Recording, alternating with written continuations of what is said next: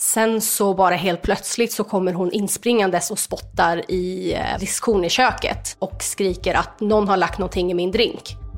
Så gick vi alla och liksom luktade på ölen och det luktade i princip rengöringsmedel. Så vi alla förstod ju att det var någonting fel på den här ölen. 31-åriga tvåbarnsmamman Nastasja är på hemmafest och blir bjuden på en öl. Hon tar en klunk. Strax efter ligger hon på golvet, medvetslös. Och snart kommer hon vara död. Det stod en direkt misstanke om att hon har blivit förgiftad.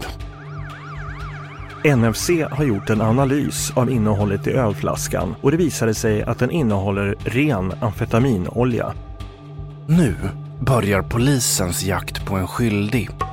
Men när utredarna följer ölflaskans spår ska det visa sig att de leder rakt mot en polisstation. Vid det stadiet så visste vi också att flaskorna kom från polisen. Men det kändes ju bara alltså, galet. Jag tänkte, finns det mer?